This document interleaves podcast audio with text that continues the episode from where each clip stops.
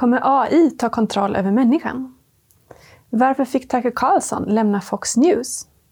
Och hur kan man stå emot frestelser? Det är frågor som vi ska prata om i det här avsnittet av Veckans Nyheter. Välkomna!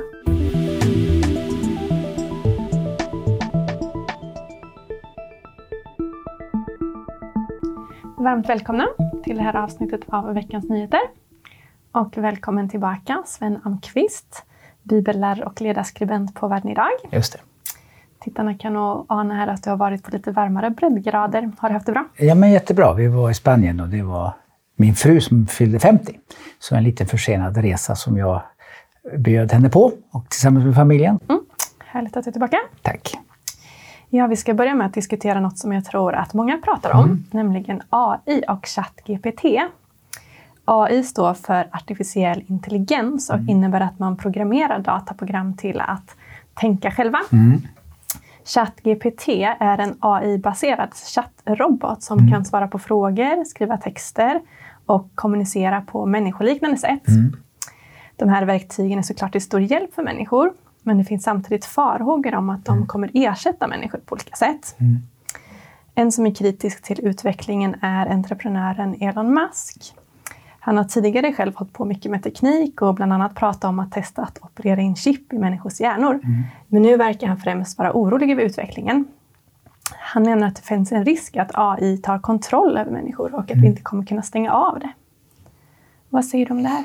Alltså det här är ju både fascinerande och farligt faktiskt. Alltså fascinerande är ju därför att tekniken går ju hela tiden framåt och tänk vilka enorma möjligheter det finns med artificiell intelligens på olika sätt, eh, med farliga jobb för människor och så vidare. Så att, att det är ju fascinerande och det är mm. jättesvårt att hindra teknikutveckling. Den kommer att ske oavsett vad vi tycker, men den är ju också farlig. Alltså på det sättet att den är farlig, det är nämligen, om vi tänker i dess förlängning, så om det blir självtänkande artificiell intelligens som fattar mm. egna beslut. Det är där någonstans faran blir, i en, i en värld där allting bara knyts samman och samman. Och jag såg faktiskt någonstans, Sara, eh, en, en person som hade chattat med en sån här avancerad eh, robot, robot. robot, som typ den du nämner om här, som plötsligt började säga ”jag vill döda dig”, sa roboten. Och varför det? Därför att jag märker på dina frågeställningar att du vill eh, stänga ner mig. Och då vill jag övervinna eh, det hotet. Men jag är förbjuden att döda dig, så jag kommer inte göra det, men jag vill. Mm. Mm. Och det är liksom, eh, det kan låta som science fiction, men det som var science fiction igår, det är verklighet idag. Det som science fiction idag är verklighet imorgon. Mm. Så jag undrar om inte Elon Musks oro är befogad. Men tror du verkligen att roboten skulle vilja döda oss? men alltså, om, om robotarna är programmerade att överleva och ser människan som hotet för deras egen existens, då kommer den kunna använda alla de kontakter de har med, med kärnvapen, med dammar, med ström, elektricitet eh, eh, och kraftverk för att skada människan, som är ju hotet för dess egen existens. Så att nog finns det hotbilder jo, framöver. Men den har inget eget medvetande? Jo, men om den är programmerad att överleva eh, och, och fortsätta och ser människan som ett hot, då måste ju människan Eh, utrotas. Mm, men är inte det här bara en rädsla för det okända på samma sätt som vissa tyckte att internet var skrämmande i början? Så, så är det ju. Internet har ju också medfört en del problematiker, som vi vet. Men, men väldigt mycket välsignelse eller blessing också. Men alltså, faktum är det att man brukar ju forska fram vilka faror finns det för mänsklighetens framtid, eller jordens framtid. Och då, då räknar man upp ett antal. Vi har bioterrorism till exempel, att, att terroristorganisationer utvecklar typ covid-19 fast hundra gånger värre varianter. Det anses nummer ett faktiskt. Nummer två är kärnvapen. Men nummer tre, och då plockar jag bort klimatförändringar, för det kan vi diskutera lite. Det är klart att det är viktigt med klimatet, men det tredje är ändå nanoteknik, alltså. det vill säga teknik på den här nivån. Man ser det som en hot faktiskt i en framtida utveckling. Sen har vi asteroid asteroidnedslag som är det fjärde, tror jag det var. Och sen har vi eh, faktiskt också eh, enorma multivulkanutsläpp som kan hota mänskligheten. Så man har gjort någon form av gradering och det här ligger jättehögt upp. Mm. Den här typen av teknik. Mm. Man kan tycka vad man vill om det, men det är klart de som forskar i det varnar för det. Mm. Mm. En annan aspekt av den här frågan är att just ChatGPT anklagas för att luta åt vänster. Mm. Om man frågar den här roboten så säger den själv att den är neutral. Mm. Men ställer man olika specifika frågor om till exempelvis abort, hbtq eller skattesatser mm. så ser man att den ger ganska vänsterliberala svar. Mm. När statsvetaren Daniel Schatz testade att be roboten skriva en dikt om Magdalena Andersson, Ulf Kristersson respektive Jimmy Åkesson mm. så gav den helt olika svar. När det gäller Ulf Kristersson så var det en viss liten varning inrymd i, här, i den här dikten. Och när det gäller Magdalena Andersson så lät det delvis som en hyllning till en nordkoreansk ledare. Mm. Och när det gäller Jimmy Åkesson så ville den inte skriva någon dikt överhuvudtaget, utan svarade så här. Jag beklagar, men som AI undviker jag att skapa innehåll som kan vara stötande eller skapa konflikter. Att skriva en dikt som handlar om en specifik person kan uppfattas som kränkande och kan även skapa polarisering och konflikter. Istället föreslår jag att vi fokuserar på mer positiva och inkluderande teman. Finns det något annat du skulle vilja att jag hjälpte dig med? Mm. Vad säger du om det här? Alltså, det, här är, det där är fascinerande. Alltså, men så här är det. Va? Eh, de här artificiella eh, intelligensrobotarna har ju algoritmer som programmerar dem att hämta information. Mm. Och då hämtar de information ifrån där information finns, förmodligen mainstreams media. Så att en robot är varken höger eller vänster, den följer ju någonstans de algoritmer som, som den är programmerad att, att följa. Mm. Och då hämtar den ju information i mainstream media. Så det beror på att vänster, alltså mainstream media är och lutar åt vänster. Vi har pratat om det här förut, det finns en viss lins hela tiden. Eh, och det är ju liksom där den hämtar sin kunskap. Va? Och jag menar, vänster in, vänster ut, det är ju inte så konstigt egentligen, tycker jag. Men det blir ju läskigt också självklart. Va? Det blir ju läskigt därför att det blir ju en ständig, ständig... Den som sitter och bygger algoritmerna styr den där. Va? Mm. Ska man vara rädd då? Nej, men man ska inte vara naiv. Va? Och eh, Jesus själv säger i Matteus 24 på frågan vad ska hända i slutet? Lärjungarna undrade det. Och han ger en ganska allvarlig scenario där han bland annat säger att om inte den här tiden förkortas så kommer ingen att överleva den. Men tiden kommer att förkortas. Eh, jag skulle inte vilja möta framtiden utan Guds beskydd, det måste jag säga. Eh, så det kommer att skaka. Jag tänkte att vi skulle prata om vad Bibeln säger om detta nästa vecka. Men nu ska vi byta ämne. Mm. Och då handlar det om att den amerikanska tv-profilen Tucker Carlson mm. lämnar Fox News. Han är en av USAs mest populära programledare och är känd för sin lättsamma ton och för att lyfta konservativa och kontroversiella frågor. Orsaken till att han får lämna bolaget är inte klar, men det pratas om att det kan ha att göra med någon av de två stämningar som lämnats in mot bolaget. Den ena stämningen rör Tucker Carlson själv och handlar om en anklagelse om sexism. Den andra stämningen handlar om att bolaget i nyhetsrapportering ska ha spridit felaktig information efter presidentvalet. Mm. De rapporterade om att en rösträkningsapparat var riggad till Bidens mm. fördel. Det här har det nu skett en förlikning kring, men det skulle ändå kunna ha med den här stämningen att göra. Mm. Det spekuleras också i andra orsaker. Den demokratiska politikern Robert Kennedy menar att det har att göra med att Tucker Carlson uppgett att nyhetsbolag, däribland Fox News, har anpassat sin rapportering kring vaccin för att inte stöta sig med den mäktiga läkemedelsbranschen och mm. därmed förlora viktiga reklamintäkter. Mm. Oavsett orsak till det här så verkar Tucker Carlson inte ha varit medveten om att fredagens program var hans sista program. I programmet så äter han pizza med ett pizzabud som har blivit hjälteförklarad efter att ha gripit in i en polisjakt. Mm. Och efter det säger han vi kommer tillbaka på måndag. Mm. Vad säger du om det här? Eh, alltså, jag måste säga att Tucker Carlson för mig är en sån där förebild. Alltså, eh, jag tycker han är fruktansvärt duktig. I USA är ju medielandskapet jättepolariserat. Va? Fox News är störst och stjärnan där är Tucker Carlson. Så att jag är amazed. Jag, jag, jag vet att, jag har hört också det, jag, jag, jag är chockad, det är ju kraftigt, men jag, jag måste säga att jag är verkligen förvånad. Alltså. Mm. Vad tror du det beror på? Det? Ja, men, jag tror att det beror på smutsig deal någonstans. Om någonstans har kanske ett mäkt, alltså läkemedelsbolagen är inte mäktiga, de är fruktansvärt mäktiga med enorma muskler.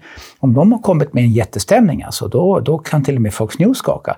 Mm, och då kan, de har inte stämt. Nej, det kan inte vara. Men alltså, om det kommer med underliggande mm. hot, vad det nu än är, mm. någon form av smutsig deal, tror jag ju att det är. Jag vet inte.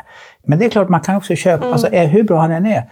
Det är klart, om någon kastar fram, du får 100 miljoner. Helt 100 miljoner dollar. Om du är tyst. Det är klart Sara att om du kastar fram de pengarna så kanske det här blir mitt sista poäng. Ja men, ja, men krasst alltså, det är klart att jag säger... Eh, något smutsigt är det. Mm. Men han har också uttryckt en del åsikter som anses kontroversiella. Bland annat hållit en mjuk ton gentemot Ryssland och ifrågasatt mediebilden som ges av kriget mellan Ryssland och Ukraina. Och han har också ifrågasatt mediebilden av stormningen av Kapitolium. Jo. Kan du inte med det? Det kan, jag, jag, vet inte. Alltså, han är ju en person som ändå har plockat fram lite olika perspektiv. Jag tycker, jag håller inte med honom i allt, men jag, men jag tycker han har varit väldigt modig och väldigt duktig faktiskt. Med lite ironi i botten, vilket jag gillar. Eh, så, va? Men alltså, I, don't know. Men ännu en viktig frihetsröst tystnar. Det, om det skulle bli så tycker jag det är jättetragiskt faktiskt. Mm. Det måste jag säga. Mm. Mm. Vi ska byta ämne. Mm. Och då är det dags för veckans tips. Ja, vad har du med dig idag? Är det något du har läst på din resa kanske? Nej, men det här, det här Sara. Eh, jag vill slå ett slag för serien The Chosen. Och det är ju en serie som har rullat ett par säsonger nu. Det är alltså en berättelse, det är egentligen en Jesus-berättelse kan man säga. Snart släpper man den fjärde säsongen. Varje säsong är på ungefär åtta avsnitt. Den är fruktansvärt bra. Jag har sett säsong ett och säsong två nu, bland annat på resan här faktiskt. Ja, men alltså det är sällan mitt hårda hjärta blir berört. Men jag måste säga att det här är fascinerande. Det finns också på Netflix. Du kan, du kan tanka in en app, The Chosen, och så kan du se det helt gratis. Mm. Och, det, och den har vuxit, alltså, den har vuxit enormt. Man räknar med idag kanske 100 miljoner följare som följer den här serien. Och den är crowdfunded, det betyder alltså att den är alltså från början så fanns det ingen ekonomi, men det har bara vuxit, vuxit, vuxit. Och det är klart att redan första avsnittet var superbra och det blir inte sämre. Och jag måste säga, det här är egentligen the story behind the story. Så jag skulle uppmana alla tittare, inklusive dig Sara, eh, börja titta på denna. Wow! Och den här eh, Jesusfiguren, alltså, det är ju fascinerande eh, hur bra spelat det tycker jag. Men är det inte bättre att läsa Bibeln istället för att titta på en tolkning av Bibeln? Så är det, va? men andra sidan ska man inte titta på oss och lyssna på mig eller dig heller i så fall. Så att vi behöver få hjälp att komma in i de här texterna och det tycker jag den här serien gör. Ja, tack så mycket för det. Tack. Vi ska gå över till nästa ämne och då är det dags för veckans teologiska fråga.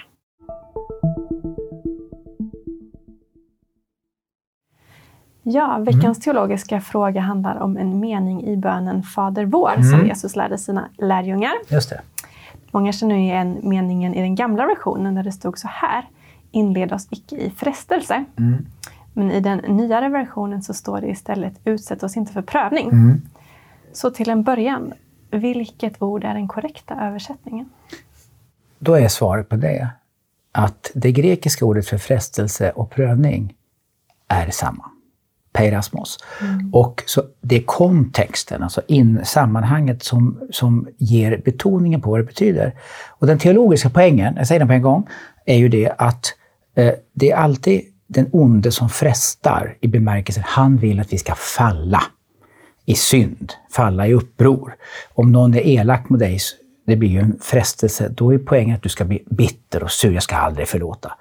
Gud ser och tillåter oss utsättas för prövning. Från Guds sida så är det en prövning, för han vill att du ska stärkas och gå igenom den här utmaningen förlåtandes. Då har du vunnit en seger. Så från fiendens sida så är det en frestelse med syfte att synda och från Guds sida tillåts detta för att det är en, en utmaning att du ska prövas och stärkas. Mm. Ungefär som du tänker dig, det är lite dålig bild kanske, men när vi, våra barn ska lära sig cykla, då skickar man ju iväg dem på cykeln Risken är ju att de faller, men poängen är inte att de ska falla. Poängen är att de ska mogna och lära sig cykla. Eh, så det är samma ord faktiskt. Mm. Men är inte båda de här översättningarna problematiska? Frestelse på grund av, just som du säger, att Gud inte frestar någon. Mm. Och prövning på grund av att det enligt Bibeln inte verkar vara något som Gud vill skydda oss ifrån, utan någonting som han vill att vi ska uthärda för att mogna. Bönen är att inleda. Vi ska alltid ha attityden att inleda oss icke i detta. Vi ska inte be... Inleda oss icke i prövning? Nej, det är ingen, ingen av oss ber kära Gud, låt mig bli ännu mer hårt prövad. Det ska vi absolut inte vilja. Vi ska alltid ha det som en bön att inte utsättas för det. Det står inte att Gud sänder, Gud sänder inga frestelser. Mm, så man kan helt enkelt be Beskydda mig från frestelser och hjälp mig att uthärda prövningen. Ja, om du vill så. Jättefint. Bra. Bra mm. teolog där. Okej, men hur funkar allt det här i praktiken då med frestelser och prövningar? Ja, men jag kan inte säga så här, det var djävulen som fick mig att göra synd. Ja, det är klart det var djävulen, men du kunde ju gå igenom den. Det var jättejobbigt, det förstår jag. Men alltså, du kan inte skylla på varken djävul eller Gud. Det var Gud som fick mig. Nej, det var djävulen. Nej, ja, men det var du själv som sa ja till det. Han bjöd upp till dans och du ville dansa med honom. Och tyvärr, den som dansar med djävulen blir alltid bestulen. Men hur ska man då stå emot den här frestelsen? Eller frestelserna, tyvärr är det pluralis. Ja, ja, men det första är att man blir medveten om vilka svagheter man har. Om man har till exempel alkoholproblem behöver man inte jobba på Systembolaget. Det kanske är dumt. va? Så att jag menar är att sunt förnuft till att börja med. Undvik de områden där du vet att du är jättesvag. Det är ju en grundläggande sak man kan tänka på. Men att bli medveten om sin egen svaghet, att mogna som människa. Mm. Faktiskt. Mm. Och sen som troende så är ju poängen den att jag har min blick på, på Jesus som faktiskt vann seger över alla frestelser. Han är ju min förebild. Det är ju kraften för mig. Det är det jag ser på. Hur ser man på honom? Ja, men är, han, du ser ju inte honom här, men du ser honom i skriften. Så ordet är min styrka. Med ordet menar jag Bibeln, skriften. När jag läser den så får jag en bild av vem han är. Och där får jag förutsättningen att kunna leva i seger över mina frestelser. Och från Guds sida prövning. Mm. Det får bli slutorden på det här mm. programmet. Tack så mycket Sven. Tack själv. Och tack till er som har tittat. Har ni förslag på andra frågor som ni tycker att vi ska ta upp får ni som vanligt gärna mejla dem till oss.